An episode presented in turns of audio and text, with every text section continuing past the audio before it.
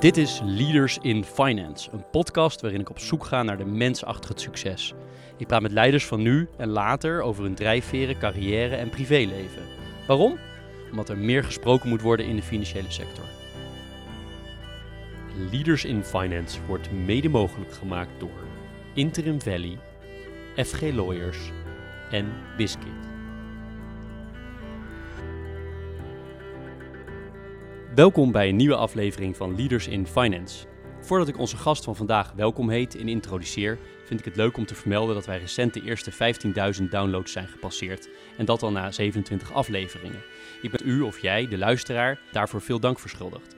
Want zonder luisteraars geen podcast. En het is en blijft een enorm, voorrecht voor mij om zoveel interessante mensen te mogen spreken. Dus kortom, veel dank daarvoor. Dan de gast van vandaag. Deze week zijn we in Utrecht, te gast bij Jos Baten. Dat schrijf je Jos, J-O-S, en Baten, B-A-E-T-E-N. Hij is de CEO van ASR, de verzekeraar. Uh, welkom uh, Jos. Dankjewel, leuk om te doen. Ja, dank ook om hier uh, bij jou op kantoor te mogen zijn. Ik zal je kort introduceren.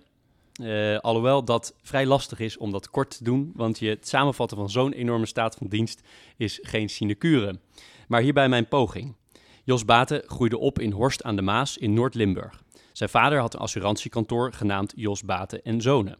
Dat hij weer had overgenomen van zijn vader en lange tijd werd gedacht dat ook Jos dat weer zou gaan overnemen. Maar het liep anders. Jos startte zijn carrière bij de stad Rotterdam Verzekeringen, terwijl hij daarnaast rechten studeerde aan de Erasmus Universiteit Rotterdam. Die opleiding ronde hij af en volgde vele functies bij de stad Rotterdam Verzekeringen, waar hij het schopte tot directievoorzitter. Vervolgens volgden vele directieposities bij Fortis ASR Verzekeringsgroep en de Amersfoortse Verzekeringen. In 2005 werd hij benoemd tot CEO van Fortis ASR en in 2009 herbenoemd na nationalisatie van de staat. Of werd dat herbevestigd, moet ik misschien zeggen. Dat is de functie die hij tot nu tot, tot vandaag de dag bekleedt. Kortom, we hebben te maken met iemand die de sector door en door kent, letterlijk van kinds af aan, en een CEO die relatief lang op zijn stoel zit. Merken die onder ASR vallen zijn onder andere de Amersfoortse, Ditso, Ardanta, Loyalis en de Europese verzekeringen. Volgens het jaarverslag 2019 werken er een kleine 4000 mensen, is ASR de derde grootste verzekeraar van Nederland met een balanstotaal van een kleine 70 miljard en werd er in 2019 bijna 1 miljard winst gemaakt. Dan nog een paar additionele zaken over Jos. Hij vervult naast zijn CEO-positie bij ASR een aantal nevenfuncties, waaronder als bestuurslid bij het Verbond van Verzekeraars, lid van de RVC van de Efteling, lid van het Algemeen Bestuur van VNO-NCW en is hij bestuurslid van de stichting Grote Ogen en stichting Fietshelm is Hoofdzaak. Jos is 61 jaar oud, is getrouwd en heeft een volwassen zoon. Nou, dat was mijn poging om het enigszins uh, binnen de perken te houden, maar het is een ongelofelijke staat uh, van dienst. En als ik eigenlijk waar ik mee zou willen starten is, je hebt die hele verzekeringswereld, zoals ik al zei, letterlijk van kinds af aan meegemaakt tot aan een van de, de key posities in Nederland. Als je nou een paar trends zou mogen noemen in die verzekeringswereld die echt de grote drivers zijn in het verleden, maar ook richting de toekomst, wat zou je dan, wat zou je dan noemen? Nou, ik denk voor mij is ook wel een beetje de cirkel rond uh, in die trends. Als ik, als ik even terugga naar mijn uh, jongste jeugd. Uh, mijn vader, je zei het al in, in je inleiding, had een assurantiekantoor. Um, hij had veel middenstanders als klanten, bijvoorbeeld veel kleine internationale transportbedrijven. En hij had als eigenschap dat, dat als een klant pech had, bijvoorbeeld een aanrijding had gehad, dan ging die altijd naar de plek des onheils. En daar zag ik hem praten met de klant, met de politie, met de brandweer als het heel ernstig was. Dus ik wist al op hele jonge leeftijd dat ik in dit vak wilde, wilde stappen, zonder dat ik eigenlijk wist wat het was.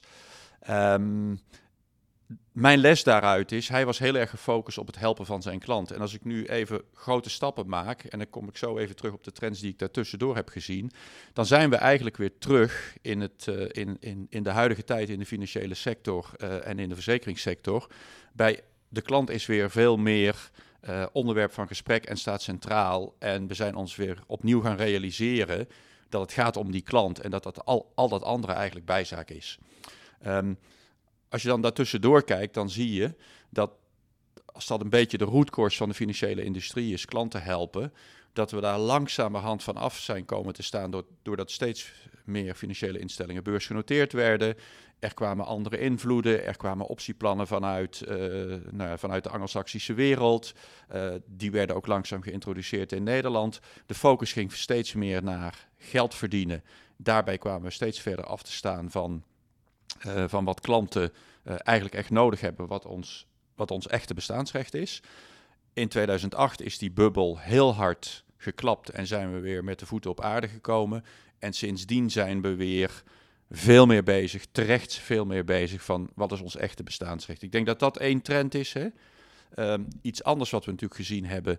We zijn best wel historisch gezien een archaïsche industrie waar heel veel papier, waar heel veel regeltjes uh, golden. Ik denk dat, uh, dat de financiële sector en misschien nog wel meer de verzekeringssector dan de banksector veel tijd nodig heeft gehad om zeg maar te digitaliseren. Uh, daar zitten we nu echt wel op, op, uh, op stoom en er gebeuren nu echt heel veel dingen. En ook in de huidige coronacrisis hebben we gezien dat wij overnight volledig digitaal konden gaan werken. Dus daar hebben we echt wel meters gemaakt. Maar ook in de relatie naar de klant is denk ik de trend veel meer digitaal, veel meer kijken vanuit klantwensen en daarbij data gebruiken, is echt wel een trend die we de, die we de afgelopen jaren hebben gezien. En richting de toekomst zijn er nog andere dingen waarvan je zegt dat zie ik echt gaan, uh, gaan veranderen? De, iets, zeg maar, de vijfjaarstermijn of misschien nog iets verder zelfs? Ja, als je kijkt naar wat zeg maar de next step in de verzekeringsindustrie moet zijn. Wij komen uit een, uit een historie die heel erg productgedreven was. Er, er was een probleem bij klanten, daar maakten we een product voor. En dat product werd al dan niet uh, uh, met veel of weinig push, werd dat bij de klant gebracht.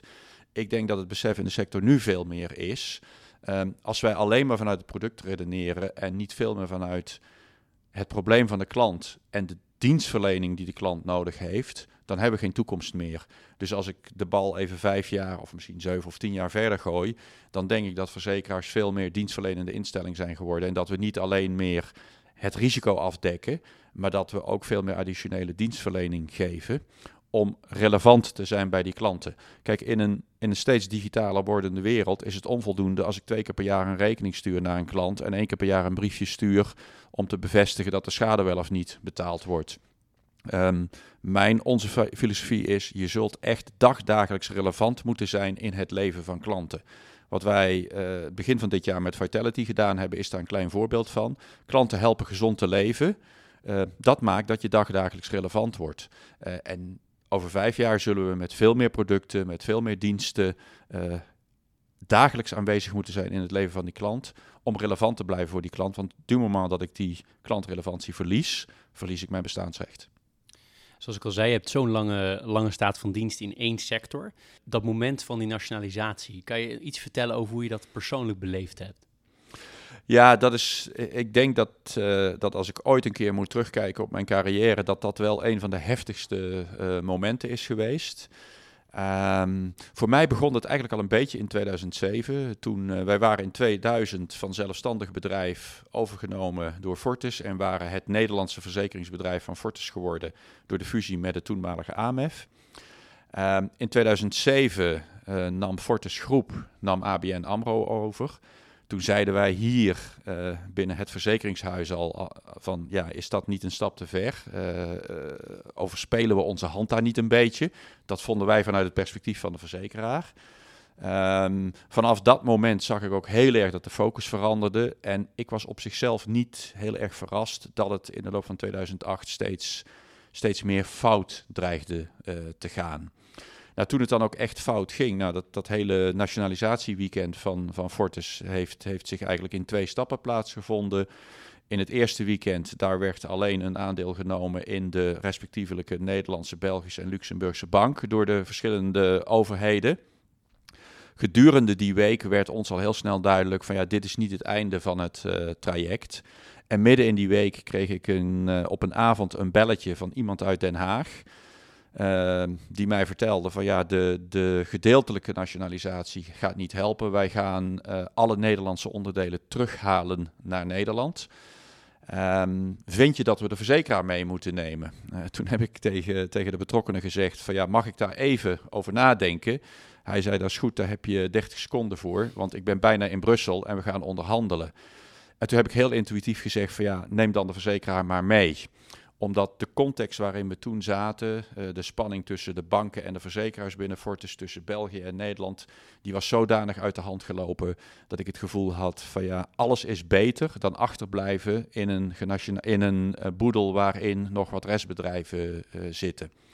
Voor mijzelf betekende dat um, dat ik in de, in de kerstperiode 2008 heel erg heb moeten nadenken van ja, wat wil ik nou? want uh, ja, je gaat jezelf toch een beetje beschouwen als onderdeel van het probleem. Want de samenleving was enorm boos op financiële instellingen. Heel begrijpelijk, heel logisch en ook uh, heel terecht, denk ik. maar ja, je bent zelf wel al jaren onderdeel daarvan. En toen heb ik voor mezelf de keuze gemaakt. Ik ga laten zien dat een verzekeraar nut heeft voor de samenleving. En dat is sindsdien eigenlijk mijn drijfveer geworden. Ik ga laten zien dat wij een nuttige institutie zijn en dat het belangrijk is dat bedrijven als de onze er, uh, er zijn. Um, en vanaf dat moment is dat ook de focus geweest die we hier met elkaar hebben proberen aan te brengen en uiteindelijk ook daadwerkelijk hebben aangebracht in het, uh, in het bedrijf. Dus 2008 is echt wel een, ja, een, een, een, een turning point geweest in, uh, in hoe ik zelf naar de financiële industrie kijk je wist het eigenlijk wel, maar je zat in een soort flow waarin je altijd meegesleept werd. Um, je was geen eindverantwoordelijke, dus je had ook niet alle sleutels in handen om die echte verandering, zo je die al zou willen, uh, uh, door te voeren. En vanaf uh, eind 2008, begin 2009 hebben we daar de kans voor gekregen. Ik heb in een eerder interview ook met, met Roald van der Linden, Kamerlid, gesproken, die toen dicht op de nationalisatie van ABN AMRO zat. En waar we toen ook over hadden, is van in hoeverre is, hè, als de aandeelhouder wisselt, hoe is dat anders? Nou, jij hebt ook in, bij andere interviews ook gesproken over van hè, de reorganisatie, of, of hoe je het wil noemen, de, de verandering die ik doorgevoerd heb bij ASR, die had ik anders ook wel gedaan. Was het erg wennen voor jou om met die politieke factor ook te maken te hebben? Want dat had je niet eerder gehad, neem ik aan. Nou, dat is, uh, achteraf heb ik dat vaak gezegd. En, en als ik met uh, mensen uit ambtelijk Den Haag spreek, of zelfs met politici, dan denken ze altijd dat ik dat voor de bühne zeg. Maar dat, ik meen het echt oprecht. Uh, misschien heb ik van die fase wel het allermeest geleerd om het bedrijf te brengen waar het nu is. Want je werd in de financiële sector, had je toch een, ja, een beetje een eenzijdige manier van kijken naar de wereld. Je dacht dat je de wijsheid in pacht had. je jij dacht, of we dachten, dat wij wel wisten wat klanten nodig hadden. Uh, acht jaar uh, samenwerken met de politiek en, en met uh, het ministerie heeft mij een veel breder inzicht gegeven. En ik zeg altijd van ja, als bestuurder moet je heel veel antennes op hebben.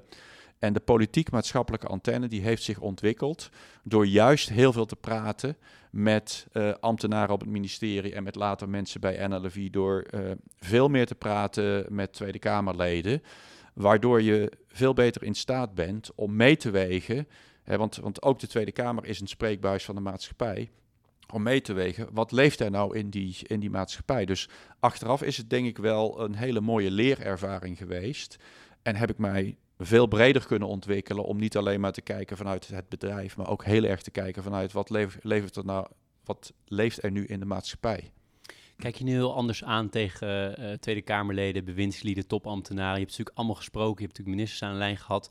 Kijk je anders ernaar als persoon? Ja, absoluut. Uh, ik heb sowieso heel veel respect gekregen voor zeg maar, uh, de mensen die het werk doen voor de ministers.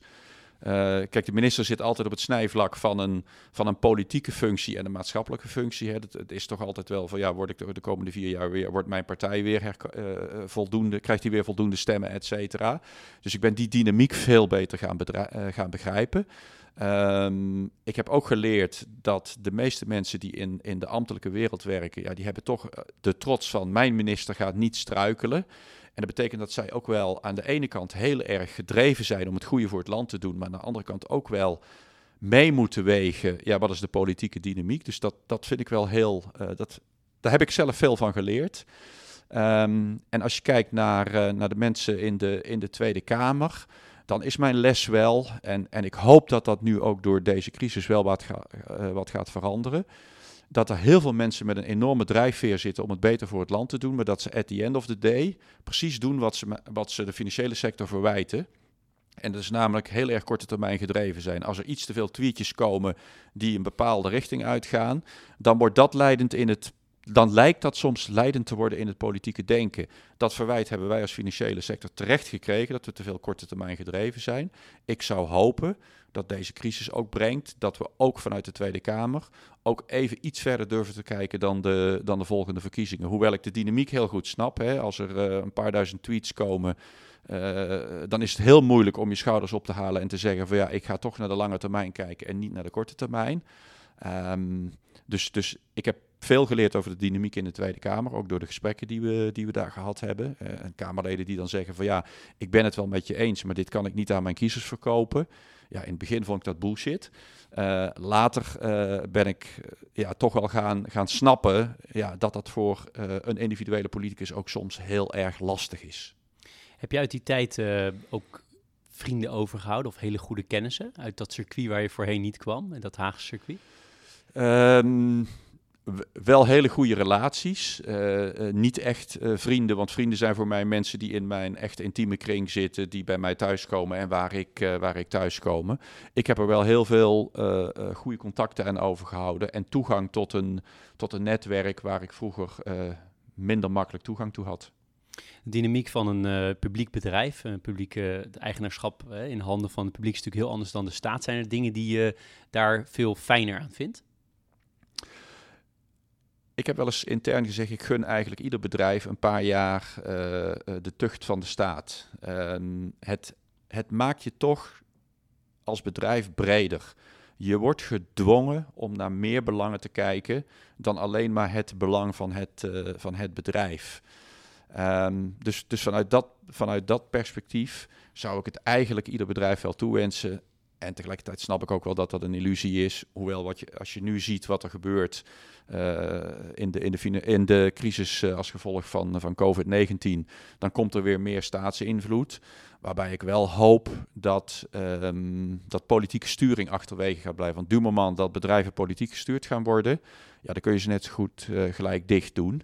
Ik denk dat het heel goed is om een aantal maatschappelijke eisen te verankeren in de afspraken die je maakt met bedrijven op dat moment. Maar je moet uit gaan kijken dat je ze vanuit de politieke waan van de dag gaat aansturen. Je noemde eerder even dat je, dat je zei dat je echt uh, intuïtief antwoord gaf op die, dat belangrijke moment uh, met, met die persoon die naar Brussel reed. Um, en daar heb ik ook een vraag over, namelijk die intuïtie, is het iets wat je altijd bij hebt gehad toen je zeg maar je eerste baan had? Of is dat gegroeid in de loop der jaren? En hoe ver heb je daar altijd op vertrouwd? Um, ik denk dat de intuïtie er altijd wel geweest is. En dat het best lang geduurd heeft voordat ik erop durfde te vertrouwen. Um, ik ben opgegroeid in een, uh, in een echte middenstandsomgeving. Mijn moeder kwam uit een middenstandsfamilie. Mijn vader kwam uit een uh, middenstandsondernemingsfamilie. bovendien in Limburg. En in Limburg weegt toch nog wel iets zwaarder dan in het Westen, denk ik. Van ja, wat vinden de buren, wat vinden de klanten? Dat betekent dat ik mij heel lang in mijn doen en laten heb laten leiden. Zo van, ja, wat, wat zullen anderen ervan vinden? Um, nou, op een gegeven moment word je, je volwassen en stoot je een paar keer je kop. En, en ga je leren van, ja, ik had toch mijn gevoel moeten vertrouwen. Um, dus op, op wat latere leeftijd heb ik vaker gezegd van, ja, rationeel kan het wel zo zijn. En iedereen kan wel zeggen, we moeten linksaf. Maar alles in mij zegt, we moeten rechtsaf, dus we gaan rechtsaf. Uh, dus het is altijd wel een beetje geweest. Maar ik heb al heel vroeg geleerd om dat maar weg te stoppen. En vooral eerst de vraag te stellen: ja, wat vinden de buren ervan? Want ik kan me voorstellen als je in je eentje bent, hè, je moet een besluit nemen in je eentje. In dit geval nagenoeg alleen, is natuurlijk een uitzonderlijke situatie. Normaal is het natuurlijk een overleg met je raad van bestuur, met andere uh, mensen die je consulteert. Uh, maar nou, uiteindelijk is het misschien toch iets makkelijker om intuïtief te zijn, omdat je toch weet, ja, ik, ik moet het nu doen.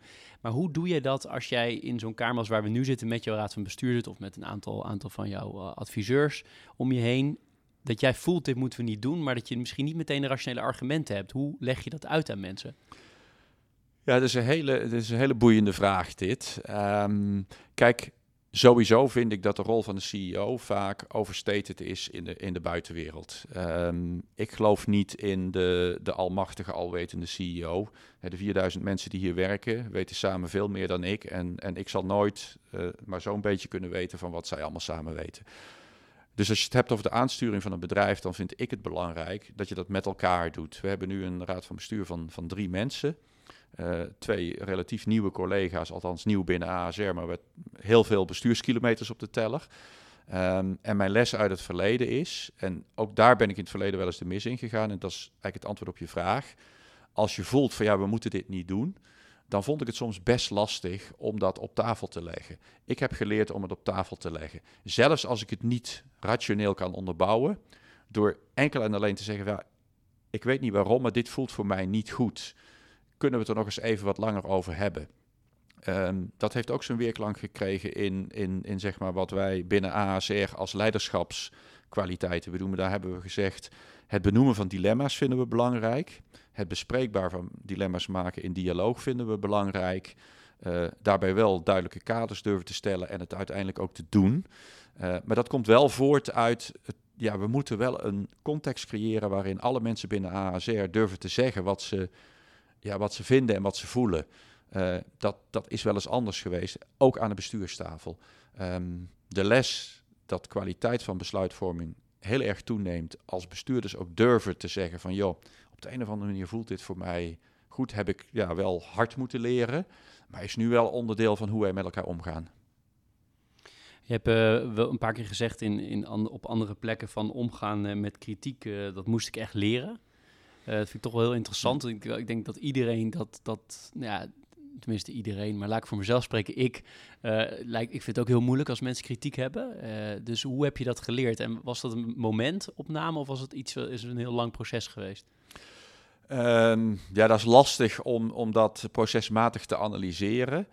Um, de reden waarom ik best vaak moeite heb gehad met kritiek is omdat ik me alles persoonlijk aantrek. Ook al ging de kritiek over het bedrijf of iets wat in het bedrijf gebeurd was, ik vertaalde dat heel erg naar mijn persoon.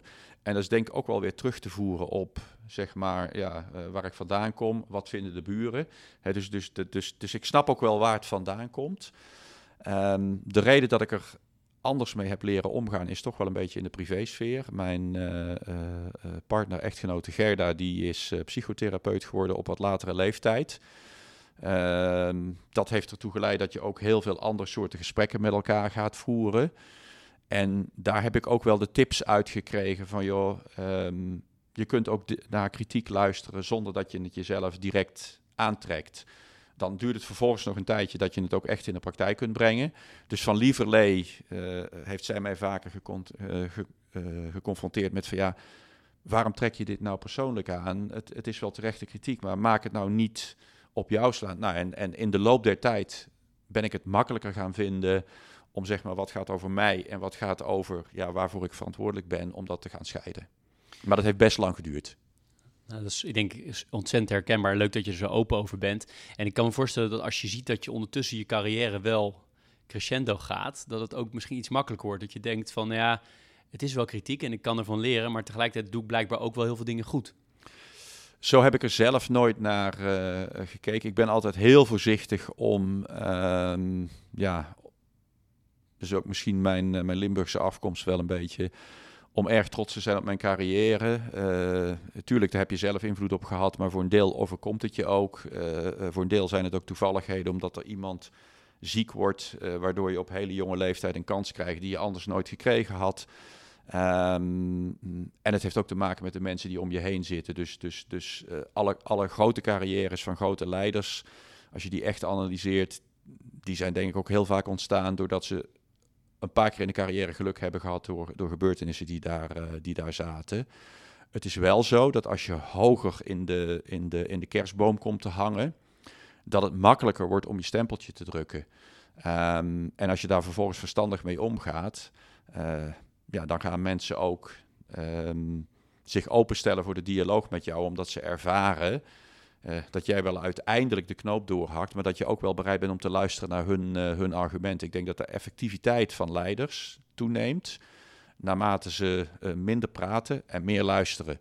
En als je, als je dat in je persoonlijke ontwikkeling mee kunt nemen, ehm, ja, dan denk ik dat het leiderschap je ook gegund gaat worden. Wanneer was de aller, allereerste keer, al is het maar heel kort, dat je dacht ik ga eindverantwoordelijk worden van zo'n organisatie als deze? Um, dat was eigenlijk tijdens mijn stage uh, bij Stad Rotterdam uh, in 1979. Uh, eh, en niet omdat ik dat zelf bedacht had, um, maar omdat ik, ik zat toen aan een blok met een aantal, aantal mensen op een afdeling. En die gingen mij vertellen dat ik wel ooit de baas zou worden. Ehm, ja, dat was eigenlijk Waarom de eerste... deden ze dat, denk je? Ja, dat weet ik niet. Ja, blijkbaar Dat- zagen ze iets, dus het was dat- serieus, of was het grappend? Nou, eh, ik denk dat het serieus was. En, en ehm, in mijn jeugd werkte, heb ik lang in de horeca gewerkt. Eh, eh, ook in mijn vrije tijd als, eh, als parttimer. En daar is me dat ook wel een keer overkomen dat ik in, een, in een Alberts Corner werkte. Ehm, en dat daar de chef met vakantie ging. En dat ik als vakantiekracht kreeg ik van de chef te horen van ja, jij gaat de komende drie weken maar leiding geven aan alle vakantiekrachten. Eh, ja, dus kennelijk zien mensen dan dat je iets daarin goed doet. Maar wat heb is het dan precies, denk je? Ja, dat weet ik niet. Dat weet ik niet. Neem je de leiding altijd? Ja, ik ben wel het type die eh, als er niks gebeurt zegt van geef het touw maar hier, ik ga er wel aan trekken. Dat, eh, dat heb ik wel heel erg in me. Dat had ik al als kind. Ik kan heel moeilijk stilzitten. En, en mij wordt tot op de dag van vandaag nog wel eens voorgehouden van ja, als iemand jou een probleem vertelt, dan heb je wel de neiging om het te gaan oplossen. Eh, en soms moet je alleen maar luisteren naar het probleem en niet direct met de oplossing komen, maar dat had ik als kind al. Jij bent natuurlijk een voorbeeld van een CEO die, die letterlijk een verzekering kan verkopen, kan maken, kan creëren. Hoe zorg je dat je ehm, in jouw vergaderingen met jouw teams, je weet echt letterlijk ook de, de nitty-gritty details. Eh, ik kan me voorstellen dat dat voor- en nadelen heeft, maar hoe, hoe, hoe balanceer je dat? Want als jij een fout ziet in, een heel klein detail, dan kan je moeilijk dat niet zeggen waarschijnlijk. Terwijl een CEO die van buiten komt, die had dat nooit gezien. Ja, eh, ook daar moet je mee leren omgaan. Je moet uitkijken dat je, eh, dat je gezien gaat worden als degene die alleen maar naar de details kijkt. Ehm, een van mijn persoonlijke lessen is, ik heb meer geleerd van dingen die goed zijn, of van dingen die fout zijn gegaan dan dingen die goed zijn gegaan. Ehm, als ik echt dingen zie waarvan ik denk van ja, als we deze afslag nemen en ik leg hier niet even de vinger op de zere plek, ja, dan gaan we heel veel tijd verspillen die we later weer moeten corrigeren. Dan maak ik er wel een opmerking over. Als het nitty gritty is, dan denk ik van joh, dat in het proces komt het wel bij een jurist of compliance en die haalt het er wel weer uit. Eh, dan laat ik het soms ook gewoon even lopen. Eh, ik heb wel geleerd vooral te lopen op de ballen die echt belangrijk zijn. En onbelangrijke ballen dan maar even te laten, eh, te laten lopen. Eh, maar als ik in, een- in, in slechte hum ben, eh, en dat ben je ook wel eens, eh, ja, dan heb ik nog wel de neiging om te zeggen, ja, maar ik zie hier dit staan, maar dat klopt niet, want da da da dat. Vind je het, eh, eh, eh, wat, vind je het goed of vind je het slecht, als dat de juiste termen zijn, maar eh, dat, er, dat er CEO's zijn die helemaal van buiten komen en eigenlijk heel weinig feeling hebben met de business zelf? In welke sector dan ook? Is een gewetensvraag. Ehm, kijk, ik denk, er zijn omstandigheden waarin het heel goed is dat iemand van buiten komt die eh, eh, zonder last te hebben van de historie en van alles wat er speelt, eh, een doorbraak kan, kan creëren. In zijn algemeenheid, maar dat zal niemand verbazen omdat ik zelf in die positie zit, is het denk ik heel erg goed om kennis te hebben van de historie van een bedrijf. Waar komt een bedrijf vandaan? Een van mijn ja, overtuigingen is wel, als je niet snapt waar het bedrijf vandaan komt, is het ook heel moeilijk om het de weg te wijzen naar, eh, naar de toekomst. Want die historie is er. Die kun je wel negeren. Maar er zitten hier heel veel mensen die hier 20, 30, 40 jaar werken. Dan kan ik wel net doen alsof die historie er niet is. En of die mensen allemaal gisteren binnengekomen zijn hebben en al nieuwe ideeën hebben. Maar dat is niet zo. Dus ik denk dat het altijd goed is om de brug te slaan tussen waar komen we vandaan en waar gaan we naartoe. En dan helpt het als je dat zelf heel erg snapt. Ehm, het kan ook betekenen dat je te lang in je eigen verleden blijft geloven en dat je weinig oog hebt voor veranderingen. Dus dat moet wel hand in hand gaan, denk ik. Dat- je iedere dag opnieuw bewijst dat je open staat voor verandering en dat je bereid bent om dingen die anders zijn dan hoe je het deed, dat je die ook mee gaat nemen. We hebben al een beetje over jouw, eh, jouw jeugd gehad, waar je vandaan komt. Ehm, als ik zo dat een beetje, al, hè, we proberen altijd alles te lezen van wat er over iemand te vinden is, dan Mhm. ben je best wel trots op waar je vandaan komt en, en hoe je bent opgegroeid. Kan je uitleggen, als, oh, ja, klopt dat überhaupt? En als het klopt, eh, even ervan uitgaan dat ik het bij het juiste eind heb. Maar waar zit hem dat in? Nou, dat zit eigenlijk in het, eh, in het toch wel behoorlijke conflict wat ik ooit met mijn vader heb gehad. Ehm, je, je vertelde in je inleiding dat ik voorbestemd was om, eh, om het bedrijf van mijn vader over te nemen. Dat was ook zo. Ik, ik ging naar Rotterdam eh, om daar een paar jaar het vak te leren. Eh, want dat had mijn vader namelijk ook gedaan. Die had eh, net na de oorlog een paar jaar in Rotterdam gewerkt bij Stad Rotterdam en had daarna het bedrijf van mijn opa en zijn vader overgenomen. Ehm, nou, dat was een leuke route geweest, dus die werd mij ook gegund. En toen ik dan een aantal jaren zat, dacht ik van ja, weet je, mijn vader is heel bekend in het dorp. En als ik morgen het bedrijf overneem, dan ben ik niet wie ik ben. Dan ben ik altijd de zoon van mijn vader. Ja, dat ben ik van nature ook. Maar ik word ook altijd gezien als de zoon van. En wil ik dat eigenlijk wel? Want ik ontdekte dat het eigenlijk wel leuk was om je eigen pad te hakken, om je eigen succes te, uh, te, te bouwen. Ja, en ik kreeg kansen binnen Stad Rotterdam waarvan ik dacht van ja, die ga ik in Horst nooit krijgen. Ehm, daar kom ik toch in een soort route die voor me is uitgestippeld. En wil ik dat wel? En toen heb ik het uh, ja, voor mezelf best wel dappere besluit genomen om tegen mijn vader te zeggen dat ik niet het bedrijf ging overnemen. Dat was voor hem een enorme teleurstelling. Dat heeft er ook toe geleid dat wij een paar jaar lang uh, relatief weinig contact, of eigenlijk in alle eerlijkheid geen contact gehad hebben. Um, dat heb ik gelukkig voordat hij overleed, uh, heb ik dat allemaal met hem kunnen uitspreken. En daar is best, hebben we ook best nog lang de tijd voor kunnen nemen. Dus dat is allemaal goed gekomen. En in de financiële crisis heb ik geleerd dat veel van de dingen die hij deed met zijn bedrijf en de manier waarop hij met zijn klanten omging, eigenlijk voor mij, zonder dat ik me daar bewust van was, een veel groter voorbeeld geweest waren. En dat heeft toch wel gemaakt dat ik in hindsight best wel heel trots ben op mijn achtergrond en mijn opvoeding. Welke normen en waarden waren echt cruciaal in jullie gezin? Uh, waar je aan begint, maak je af. Dat, dat was eigenlijk wel, dat heb ik vooral van mijn moeder meegekregen, uh, die, uh, die overigens nog steeds leeft en, en gelukkig. Um, daar was wel een turning point dat ik ooit op de middelbare school het niet meer zag zitten. En dat ik op een, op een mooie voorjaarslentedag bij haar aanschoof op het terras en zei: Ik ga stoppen ik ga wel naar de LTS, want dan ga ik een vak leren met mijn handen. Dat had ook wel te maken met mijn ongedurigheid. En dat, zei, dat zei toen de wijze woorden sprak, dat is goed. Maar dan maak je eerst dit af. En als je dat afhapt en je wilt dan nog steeds naar de LTS, dan, dan mag dat. Nou, zover is het uiteraard nooit gekomen. Um, dus daar heb ik wel de, de, de harde boodschap gehad van, ja, je mag alles doen wat je wil in je leven, maar waar je aan begint, uh, maak je af. Dat is een, dat is een hele, hele uh, belangrijke boodschap die ik eigenlijk de rest van mijn leven wel meegenomen heb. Nog andere normen en waarden? Uh, ja, uh, doe een beetje normaal tegen elkaar. de, de, bij, bij ons werd iedere vorm van capsones, die werden al vrij snel de kop ingedrukt. je doet het met elkaar, je doet het voor elkaar. dus wij zijn ook wel... Um, best wel een hecht gezin. En uh, ik heb nu nog ja, bijna dagelijks contact met mijn broers en zussen. Dat, dat, dan helpt een instituut als WhatsApp natuurlijk heel erg. Um, en dat, ja, ik kom ook wel uiteindelijk uit een heel warm gezin, waar, waar de kinderen ook wel verbonden zijn met elkaar. Toch even benieuwd wat er met het uh, assurantiekantoor gebeurd is. Ik weet heel klein beetje het antwoord hm. al, maar ik ben toch even benieuwd om het van jou te horen of het klopt. Nou, toen ik het, uh, het besluit nam om het niet over te nemen, uh, toen was mijn vader ook wel teleurgesteld in stad Rotterdam, want die wisten waarom ik daar zat.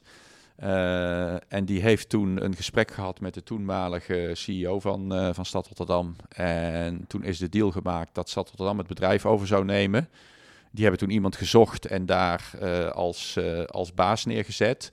En die heeft op enig moment het bedrijf ook weer overgenomen en is onder dezelfde naam uh, als uh, Baten nog een aantal jaren doorgegaan. En toen hij met pensioen ging, is het bedrijf verkocht aan een groter assurantiekantoor in de regio. Dus de klanten zijn uiteindelijk goed terechtgekomen bij een ander kantoor in de regio. Zijn ze indirect nu ook bij jou? Die klanten? Of? Uh, ja, want veel van die klanten waren klant van, uh, van Stad Rotterdam, later ASR. En uh, ja, ik, ik kan dat niet checken, maar ik denk dat er nog veel klanten uit die tijd klant van ASR zijn, ja. Misschien heb je toch overgenomen het bedrijf. Ja, indirect misschien beetje. wel, ja. misschien had je dat toen kunnen zeggen, dat had misschien wat kunnen... Ja. Dat is heel anders, heel anders gelopen. Ja, achteraf weet je vaak wat je had moeten zeggen. precies, ja. precies. wat, hele algemene vraag, maar wat motiveert jou in je werk? Ja, vooral dat ik het leuk vind en dat ik hier met ontzettend leuke mensen werk. Um, ik, ik denk dat uiteindelijk, toen ik wat jonger was en je vertelde dat je in de verzekeringssector ging werken, dan hadden heel veel mensen het beeld van, maar, maar dat is toch dodelijk saai. Maar dat je de hele dag met mensen bezig bent, dat, dat je hier om je heen mensen hebt, ja, dat maakt wel dat het waanzinnig leuk is. Dat, dat motiveert mij heel erg. Um, ook wel de enorme drijfveer. Hè, de, de boosheid van de, eh, van de samenleving op de financiële sector is weliswaar wat afgenomen. Maar die kan, er hoeft maar dit te gebeuren of het plopt weer op. Ook wel de drijfveer om echt te laten zien en dat zodanig te verankeren dat je het er ook niet meer uitgeslagen krijgt. Dat, ehm, ja, dat, dit, dat dit een sector is en een bedrijf is waar de samenleving voor zegt dat is nuttig. Ja, dat is wel wat mij iedere dag drijft. En het derde wat mij heel erg drijft is van wij moeten echt zorgen dat we die dagelijkse klantrelevantie gaan krijgen. Nou, de combinatie van die drie dingen maakt ja, dat ik iedere dag met meer energie thuis kom dan dat ik uh, naar kantoor ga, voor zover we überhaupt nog op kantoor komen. Ik heb zelf voor een uh, genationaliseerd bedrijf gewerkt, ABN AMRO, later in een echt puur Anglo-Saxisch bedrijf. Mm -hmm. Tussendoor nog bij een Duits bedrijf. Dus ik, ik heb denk ik een klein beetje, een, nou ja, heel klein, maar een beeld gekregen van het debat tussen het Anglo-Saxische model, aandeelhoudersgedreven model versus het Rijnlandse model met meerdere stakeholders. Ik heb met Maurice Oostendorp van de Volksbank uitgebreid over gehad, die natuurlijk een bepaalde mate eenzelfde traject uh, bewandeld. Uh, als dat jij gedaan hebt in, dan, in dat geval. Hoe kijk jij naar dat debat tussen Rijnlands en, en Anglo-Saxisch model? Ik geloof sowieso minder in debatten die vanuit tegenstelling gevoerd worden. Um, ik denk dat vanuit het Nederlandse perspectief dat het multi-stakeholder model of het Rijnlandse model, dat dat het model is wat heel goed werkt. Um, er is geen enkel bedrijf dat alleen maar kan leven van klanten. Of dat alleen maar kan leven van medewerkers. Of alleen maar kan leven van aandeelhouders. Um, het gaat erom dat je de juiste balans houdt. Um, ons bestaansrecht is dat we klanten hebben die het nuttig vinden dat wij er zijn. En die bereid zijn om producten en diensten die wij uh, aanbieden, om hun te helpen, om die af te nemen. Als die klanten morgen zeggen dat doen we niet meer dan kan ik nog zo'n briljant bedrijf hebben, maar dan gaan we op de glijbaan en dan eindigen we in de plomp. Dus je zult ervoor moeten zorgen dat je klanten van je blijven houden. Dat kan alleen maar als de 4000 mensen die iedere dag onder de naam van ASR inloggen uh, en, en op dit moment veelal van thuis uit uh, uh, onze klanten helpen en collega's helpen, als die gepassioneerd zijn. Dus je zult ook moeten zorgen dat je mensen aan boord zijn en ja, dat die het vertrouwen hebben dat ze het goede kunnen doen. Um, dat kan alleen maar als je kapitaal hebt. Nou, dat komt van aandeelhouders en die moet je een faire beloning geven. En het kan uiteindelijk ook alleen maar als de, als de samenleving naar je kijkt op een manier van, ah, dat is eigenlijk best wel een grappig bedrijf, dus nuttig. Uh, en, en niet iedere dag uh, ja, uh, via Twitter, maar vroeger zou je zeggen, ze met tomaten voor de deur staan. En dat in balans runnen is mijn ervaring. Er wordt heel vaak gezegd dat kan niet. Nee, maar dat kan prima. Wat je alleen niet moet doen, en daar gaan volgens mij veel bedrijven de fout in, uh, dat je tegen je aandeelhouders zegt, ik ben puur aandeelhoudersgedreven. Dat je tegen je klanten zegt, ik ben klantgedreven. Um, maar dat je in de kern niet de goede afweging hebt gemaakt. Dus wij vertellen tegen iedereen, wij proberen de balans te houden tussen de belangen van onze stakeholders. En dat is nooit perfect 25, 25, 25. Dat is soms even 50 en dan uh, de overige uh, op een andere manier verdeeld. Dat is vaak ook 25, 25. Maar je moet het blijven uitleggen, ook naar aandeelhouders. Um, je ziet gelukkig, uh, ja, je krijgt ook de aandeelhouders die je verdient. Wij hebben in toenemende mate ook wel aandeelhouders die voor ons gekozen hebben vanwege het profiel die we, dat we hebben. En je ziet ook in de Anglo-Saxische wereld, zie je dat er steeds meer beleggers, met name pensioenbeleggers, hè, dus die pensioengelden van Amerikanen of Engelsen of Fransen of watsoever beleggen, dat die steeds meer naar dat maatschappelijke belang aan het kijken zijn. Um, dat gaat nog wel 10, 20 jaar duren voordat dat echt ook diep in hun genen zit. Maar je ziet wel, er is wel iets op gang gekomen. Dus daar waar we het vijf jaar geleden nog moesten verdedigen, hoef ik het nu alleen nog maar toe te lichten. Dus ik, je, je ziet de trend is aan het keren. En het duurt denk ik nog wel een generatie beleggers uh, uh, voordat het echt ja, ook geadopteerd is. Ik luisterde laatst naar een podcast van een collega-podcastmaker, die heet Marnix Kluiters. En hij uh, interviewde of sprak met uh, Fijke Siebesma. Mm -hmm. En Fijke Siebesma die gaf aan, ik uh, bezet ook best wel veel tijd en ik ken ook mijn aandeelhouders aardig goed. Is het ook wat jij ook doet, dat je je aandeelhouders ja. vrij goed kent en ja. relaties onderhoudt? Dat, dat hoort bij dat stakeholdersmodel. Je kunt niet zeggen, ik, ik ben multi-stakeholder en ik, ik ken mijn klanten op, op de een of andere manier. Ik ken mijn medewerkers en ik ken niet mijn aandeelhouders.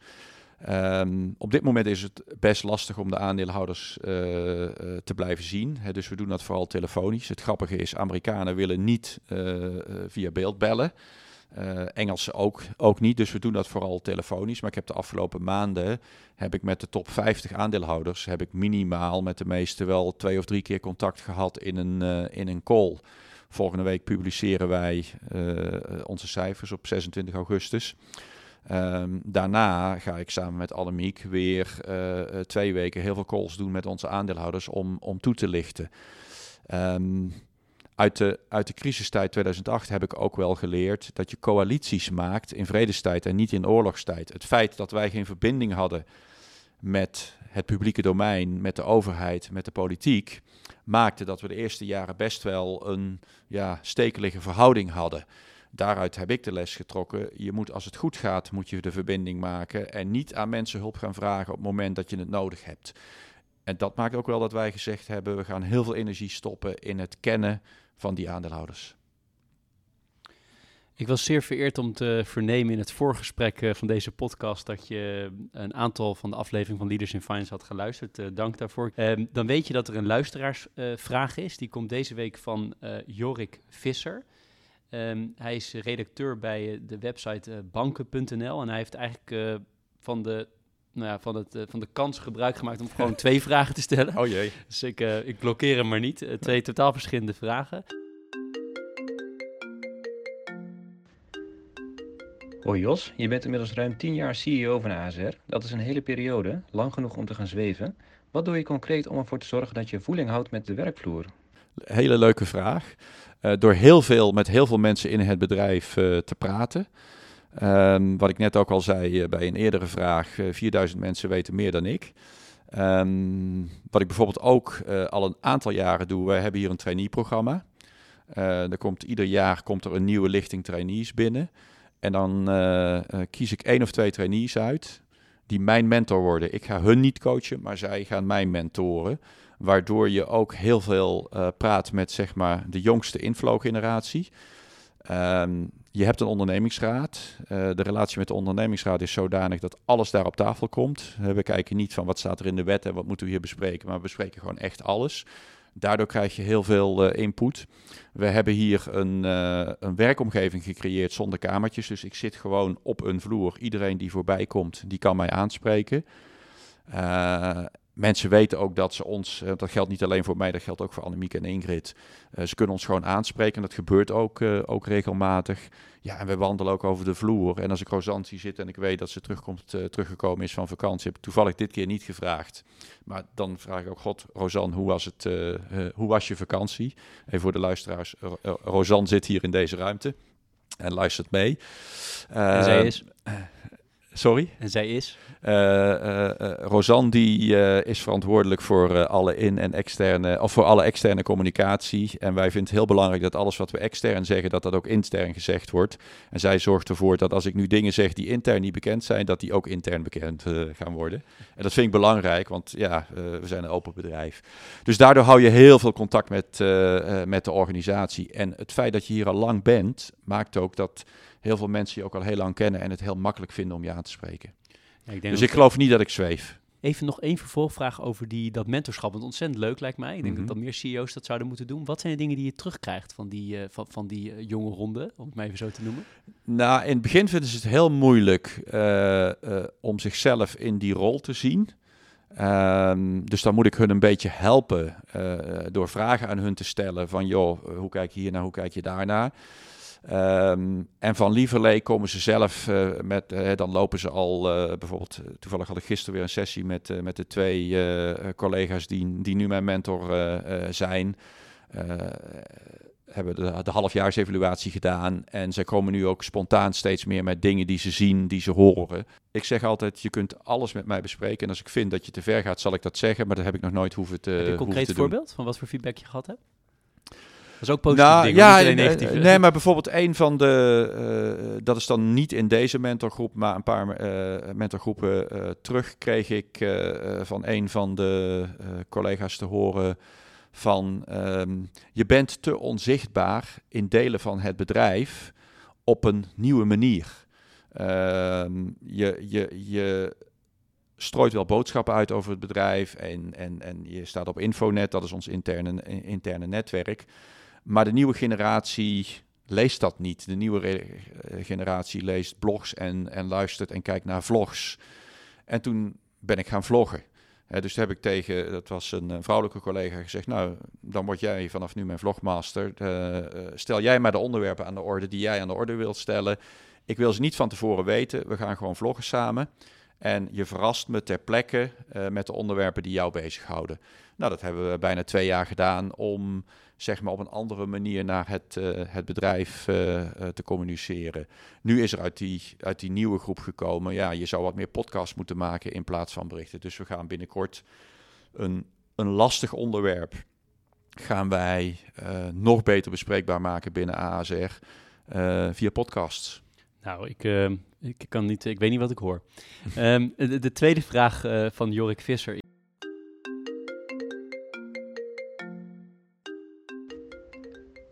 Hoi Jos, een van je nevenfuncties is voorzitter van de stichting Fietshelm is Hoofdzaak. Hoe ben je daar terechtgekomen en waarom heeft de fietshelm in Nederland nog steeds zo matig imago, denk je?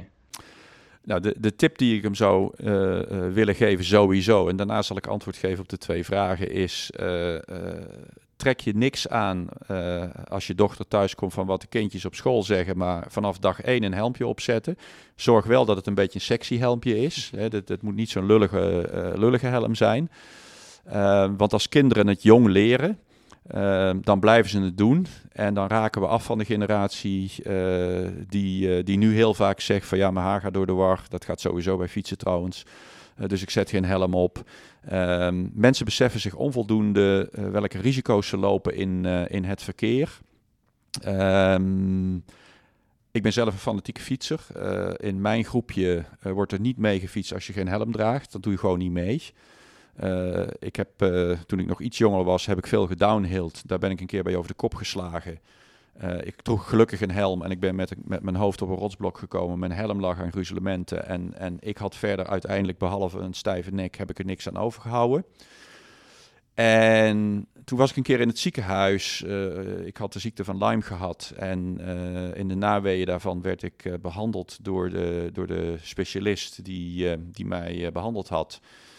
En die moest een injectie zetten. En op het moment dat ze met de naald boven mijn been hing, zei ze tegen me: uh, Mijn kind heeft een fietsongeluk gehad en uh, is daarbij gewond geraakt. En, en ik wil eigenlijk iets gaan doen om te zorgen dat kinderen niet meer in het verkeer gaan. Om zonder helm. Wil jij mij daarbij helpen? Ja, als er dan een arts bij iemand boven het been staat die sowieso al angst voor naalden heeft, dan is er maar één antwoord mogelijk en dat is ja. En zo ben ik bij, bij die stichting terechtgekomen. En proberen wij middelen te vinden om te zorgen dat in ieder geval in Nederland een helmplicht komt voor kinderen tot 12 jaar. Eigenlijk vind ik dat een helm. Hè, ik, ik, was recent in Zwitserland, daar draagt iedereen een helm. In Duitsland is het heel normaal om een fietshelm te dragen. In Nederland gaan we nu door COVID-19 meer fietsen. Er komen meer pedelecs op, op straat je bent eigenlijk, je speelt met je eigen leven als je geen valhelm uh, draagt met, met fietsen. En of het via die stichting gaat lukken, weet ik niet. Maar ik vind het belangrijk om voor dat onderwerp aandacht te vragen. En aan de rationele kant zou je zelfs nog kunnen zeggen: je krijgt korting op je premie in, als je een helm draagt. Nou ja, het, het, is, het is sowieso, uh, als je kijkt naar de letselschades die ontstaan door eenzijdige fietsongevallen of door uh, uh, fietsongevallen waar bijvoorbeeld een auto bij betrokken is, dat mensen die geen helm dragen, hebben meer letsel en langduriger letsel. En langdurig letsel betekent een hoge schadelast. dat is overigens niet de reden waarom ik hiermee begonnen ben. Dat, dat is echt vanuit die privé situatie zoals ik die net schetste. Ik denk dat Jorik prachtige antwoorden heeft. Nog een, nog een, een, paar dingen. Um, je, je, noemde even jou, jouw vrouw. Als, het klonk alsof dat ook echt wel een coach voor jou is naast de, naast de relatie. Zijn er nog andere mensen in jouw loopbaan geweest die, jou, die heel belangrijk voor jou zijn geweest in, jou, in die loopbaan? Nou, laat ik beginnen. Uh, Gerda is zeker niet mijn coach. Want dat is als je als je met een professional getrouwd bent, is dat een van de eerste dingen die je afspreekt. Dat je die twee dingen niet door elkaar laat lopen. maar het is wel een hele belangrijke spiegel voor, voor mij. Ehm, ja, verder ehm, heb ik eigenlijk wel van, van heel veel mensen waarmee ik gewerkt heb, heb ik, heb ik geleerd. Ik heb geleerd van de CEO's die leiding gaven aan het bedrijf toen ik een broekie was. Daarvan heb ik geleerd hoe je dingen effectief kunt doen. Maar heb ik ook geleerd hoe je dingen bepaald niet moet doen in, uh, de, ik ben 40 jaar geleden begonnen met, met werken in een, in een corporate omgeving. Ja, toen was de leiderschapstijl was nog een totaal andere. Toen was er echt afstand tot het bestuur. Dan moest je meneer zus en, en, en, en zo zeggen. En dat creëerde afstand en dat creëerde angst. Daar, daarvan heb ik geleerd hoe je, ja, hoe je dat bepaald niet moet doen. Als je tenminste wil dat iedereen betrokken is, is bij het bedrijf. Ik heb niet één specifiek rolmodel. Um, omdat ik ook wel vind, ja, je moet vanuit je eigen kracht opereren en je moet openstaan voor alles wat er gebeurt. Ik, ik heb wel inspirerende mensen gezien. Je noemde net even de naam van Fijke. Um, wij waren een van die aandeelhouders waar Fijke regelmatig mee, mee sprak. Ik vind de manier waarop hij DSM heeft hervormd, vind ik wel heel inspirerend. Daarmee is hij voor mij geen rolmodel, maar wel iemand waar ik graag mee praat en, en, en, en naar luister. En waar ik ook weer dingen uithaal die we zelf kunnen doen. Maar omgekeerd hoop ik dat dat voor hem ook zo is. We hebben ook altijd een teaser en een pleaser, zoals je weet. De teaser beginnen we altijd mee en die gaat altijd over het bedrijf. En is heel, heel kort. Uh, het is en blijft ongelooflijk lastig voor ASR om jullie te onderscheiden van de grote concurrenten zoals Egon en NN. Nee, helemaal niet. Ervan? Nee, vind ik helemaal niet. Ik denk dat we ons op dit moment al uh, behoorlijk onderscheiden. Dat krijgen we ook terug. De manier waarop wij duurzaamheid onderdeel gemaakt hebben van de strategie en de bedrijfsvoering. Uh, dat heb ik nog geen enkel bedrijf op dezezelfde uh manier zien doen. De stappen die wij gezet hebben in de richting van klanten, de manier waarop wij ons arbeidsvoorwaardenbeleid vorm en inhoud hebben gegeven, dat is echt onderscheidend. dat wordt ook steeds meer herkend. Um, dat dat misschien voor de eindklant niet altijd zo is, dat snap ik ook. Omdat uiteindelijk kijkt die van ja, ik heb een autoverzekering nodig. En, en nou, dan zitten er veel overeenkomsten in, dat snap ik ook. Maar ik denk als je je echt verdiept, zou verdiepen in de drie bedrijven die je noemt, dan zie je echt wel dat wij een totaal ander bedrijf zijn dan de anderen. Niet in vormen van goed of slecht, maar wel in termen van anders. En wat, kan je nog één ander ding noemen waarvan je uh, verder, dingen die je al noemde, waarvan je echt zegt, daar zijn we echt onderscheidend in? Nou, ik denk dat dat, dat dat ook wel zit in hoe wij uh, hier de cultuur hebben neergezet. Wij hebben op een gegeven moment in 2009 het besluit genomen, we halen alles naar één pand. Daardoor is er één cultuur ontstaan. Uh, we zijn heel vroegtijdig naar uh, tijd en plaats onafhankelijk werken gegaan. Dat heeft ons heel erg in de crisis geholpen. Dat heeft ook gemaakt dat mensen veel zelfstandiger en veel meer vanuit eigen verantwoordelijkheid kunnen werken. Uh, we hebben beoordelingsgesprekken af, afgeschaft. We hebben iedere vorm van variabele beloning afgeschaft. Omdat wij vinden mensen moeten een drijfveer hebben om het goede te doen. En moeten hier niet komen omdat wij ze een hoge bonus of überhaupt een bonus betalen. ik denk dat we daar echt wel onderscheidend in zijn. Aan de pleasende kant vragen we altijd hetzelfde. Heb je een bepaald boek wat jou geïnspireerd heeft? Of nog steeds wat je vaak aan mensen geeft?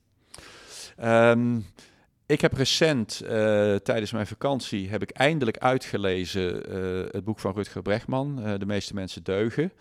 Ehm, ik vind eigenlijk dat dat boek verplichte studiemateriaal moet worden in commissarissenopleidingen en, en in allerlei opleidingen om, om bestuurders verder te brengen. Um, het is best een pil, dus, dus het kost wel wat tijd om er doorheen te komen, hoewel het leest als een, als een roman, dus het is heel toegankelijk geschreven. Wat is het ehm, belangrijkste wat je eruit gehaald hebt? Nou, eh, enerzijds een, een herbevestiging van wat ik uh, de afgelopen 40 jaar professioneel geleerd heb. En eigenlijk de kern is, als je mensen vertrouwen geeft, krijg je vertrouwen terug. Um, en ik denk dat wij als kind al het vertrouwen van onze ouders gekregen hebben. Dat we in de loop van onze volwassenwording um, ja, heel veel vertrouwen geven en krijgen afgeleerd hebben. Dat we met regels te maken gekregen hebben waar we ons naar zijn gedragen. Um, en als je kijkt naar wat je terugkrijgt als je mensen vertrouwen geeft, dat is zoveel mooier uh, en plezieriger om te ervaren dan wat je terugkrijgt als je mensen aan de regels houdt. Um, nou, ik denk dat, dat dat uiteindelijk, dat is in ieder geval mijn samenvatting uh, van het boek, maar hij onderbouwt dat op een hele leuke, toegankelijke manier met heel veel voorbeelden. ehm, en eindigt dan met een tiental tips die hij uit, uit het schrijven van dat boek voor zichzelf heeft gehaald. Daarvan denk ik van ja, als je, als je echt laat inwerken waar dit boek over gaat, dan zou dit verplichte leerstof moeten zijn voor, voor bestuurders en commissarissen. Want wat je ziet in de huidige wereld, uh, bij, bij, bij commissarissen bijvoorbeeld, die worden steeds meer geconfronteerd met toezichthouders die boos zijn omdat ze dingen niet op tijd gezien hebben. Ze laten zich steeds meer in een juridisch framework uh, work duwen, waardoor er veel meer rule-based toezicht gehouden gaat worden. en uiteindelijk leidt dat niet tot het goede gedrag. Ik ben een, ik ben overtuigd aanhanger van principle-based toezicht. Uh, en ik geloof veel meer van als je ziet dat mensen niet het goede doen, dan moet je afscheid nemen van de mensen, dan dat je nieuwe regels moet gaan maken. En ik zie te vaak, ook in de Tweede Kamer, de reflex, we, we gooien er nog een emmer regels overheen en dan verbeteren we de wereld. Daarmee verbeteren we de wereld niet. Je hebt uh, een van jouw grote hobby's is fotografie. Ja. En we gaan richting het einde uh, toe werken. Uh, je hebt ergens gezegd, uh, ik, ik zou graag alle medewerkers een keer op de foto zetten. En waarschijnlijk wordt je dit vaker gevraagd, maar ik kon ja. het toch niet laten. en dat, daar zei je bij, geloof ik. Dan mogen ze allemaal een voorbeeld meenemen. Maar is jij er ook bij dat je toch een beetje angstig werd van de, de sheer size of it? Namelijk ja. bijna 4000 man. Dat is wel een het is best veel. intens project. Ja, ja. ik, vijf minuten maal 4000, dat gaat best hard. Um, maar ga je nog iets doen met die privé hobby waar je nou ja, veel andere, andere dingen in kwijt kan in relatie tot ASR, denk je? Ja, het, het blijft wel een beetje knagen. Uh, en tegelijkertijd uh, heb ik ook wel zoiets van, ja, ik moet uitkijken uh, dat ik gezien word als degene die hier een beetje zijn hobby zit. je hebt toch een soort van voorbeeldfunctie. en dat, dat houdt me dan wel weer een, een beetje tegen. En misschien komt er nog een keer een moment om daar iets mee uh, te doen. Ik hoor heel vaak, uh, ik laat wel eens uh, fotografie die ik zie, laat ik wel eens aan mensen zien. Ik hoor heel vaak van wanneer ga je een tentoonstelling doen, et cetera. Ehm, maar je, je blijft in het publieke leven ook een beetje de CEO van ASR. Um, en ik wil die dingen, ik probeer die dingen eigenlijk een beetje gescheiden te houden. Dus als ik ooit stop in deze rol, ga ik er absoluut meer mee doen. Ook met het werk wat ik in het, in het verleden gemaakt heb. Uh, en ik vind het nog steeds leuk om nieuw werk te maken. Ik heb net, uh, net even vakantie gehad. Ja, en dan ga ik toch uh, een ochtend sta ik om vijf uur op en ga ik in het gebied waar ik zit, ga ik gewoon lopen en kijken of ik mooie, mooie foto's kan maken. Hoewel mijn echte passie is mensenfotografie. Dat, het voorbeeld wat je gaf komt daar ook uit voort. Ik kan ook eindeloos door Rotterdam wandelen en alleen maar situaties en mensen fotograferen. Uh, of in een Italiaanse stad. Ik heb een passie voor, we hebben een passie voor Italië. Dus ik vind het heerlijk om Italianen te fotograferen. Dat zijn zulke authentieke mensen. Hè, die praten met hun handen en met hun hele lichaam. En dat, ja, dat geeft hele mooie beelden. Uh, ooit ga ik er nog wel iets mee doen. Uh, op dit moment is, ligt, ligt de prioriteit aan, de goede balans tussen werken en privé. Um, en mij inzetten voor ASR. Nou ja, mooiere brug kan je niet maken. Want op het einde vraag ik altijd... Je hebt je kan niet dit soort functies uitvoeren zonder ook heel veel uren te maken. In ieder geval in de aanloop ernaartoe. Uh, hoe heb je dat in het verleden? Hoe combineer je werk en privé op een manier dat het voor jou, uh, voor jou werkt? Ik kom uit de school die altijd zei: je moet werk en privé uh, gescheiden houden.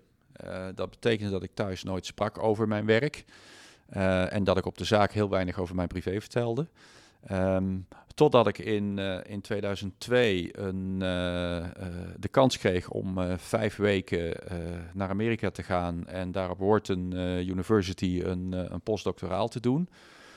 Um, daar werd ik geconfronteerd met een, met een model wat hierover ging. en de boodschap in dat model was: um, als je dingen tegenover elkaar zet, dan gaan ze botsen. Uh, en je moet, al, je moet altijd zorgen dat dingen een beetje over elkaar leggen. Dan is de neiging tot botsing. En daar, of het nou over dialoog gaat of over andere dingen, dus toepasselijk op heel veel situaties, is de neiging tot botsing veel kleiner. Um, nou, dat heeft me best wel een aantal jaren gekost om dat uh, te vertalen naar, uh, naar werk en privé. Maar sindsdien ben ik steeds meer gaan zorgen dat werk en privé elkaar voor een stukje overlappen. Het af en toe thuiswerken heeft daar heel erg bij geholpen. Maar ook vertellen van waarom kom je nou een keer chagrijnig thuis? Van wat is er dan gebeurd? En op de zaak ook vertellen van, nou ja, uh, privé liep er even iets niet zo lekker. Dat heeft ook heel erg geholpen. Dus door die werelden gedeeltelijk te laten overlappen, wordt het steeds makkelijker om ze ja, samen te managen. Dat heeft, dat heeft mij in ieder geval heel erg veel geholpen om werk en privé geïntegreerd te runnen. Tegelijkertijd moet je in beide zorgen ehm, ja, dat je af en toe je werk kunt loslaten en dat je af en toe even je privé kunt loslaten. dus voor mij is wel het principe: het weekend is mijn weekend. Dan besteed ik tijd aan mijn gezin, aan de familie, aan mijn hobby's. En natuurlijk, als je midden in een overname zit, dan komt er ook wel eens wat werk doorheen. Maar dat moet niet, zeg maar, uh, de standaard zijn. Nou, dat heb ik moeten leren. Ik heb ook wel eens in mijn jongere jaren het verwijt van Gerda gekregen dat ik ja, geen aandacht had voor thuisfront. Nou, dat ontkende ik dan uiteraard, want dat was natuurlijk de natuurlijke reflex. Later heb ik me wel gerealiseerd dat ze daar heel erg gelijk in had. dus ik heb het ook moeten leren en het gaat me nu heel goed af. Hoe zorg je dat je fysiek en mentaal fit blijft? Um, die dingen zijn voor mij overigens één. Als je mentaal fit bent, is het makkelijk om fysiek fit te blijven en omgekeerd. Um, nou, als je wat ouder wordt, dan, uh, dan uh, krijg je iets, iets sneller wat meer kilo's. nou, op een gegeven moment ontdek je dat. toen ben ik meer, weer meer gaan bewegen. In mijn jonge jaren heb ik veel gesport en toen een aantal jaren niet, omdat mijn werk alles was. dus eigenlijk vanaf mijn veertigste ben ik heel fanatiek gaan bewegen, gaan mountainbiken. Ehm, ik ben een fanatieke deelnemer van, uh, van ons uh, uh, programma wat wij voor, klanten, voor klanten aanbieden, ASR Vitality. En dat betekent dat ik iedere dag beweeg. Ik sta om de andere dag een uur eerder op en dan ga ik of een lange wandeling maken of ik ga een uur fietsen. en als, ik dat, als dat niet gelukt is, doe ik dat, doe ik dat s'avonds.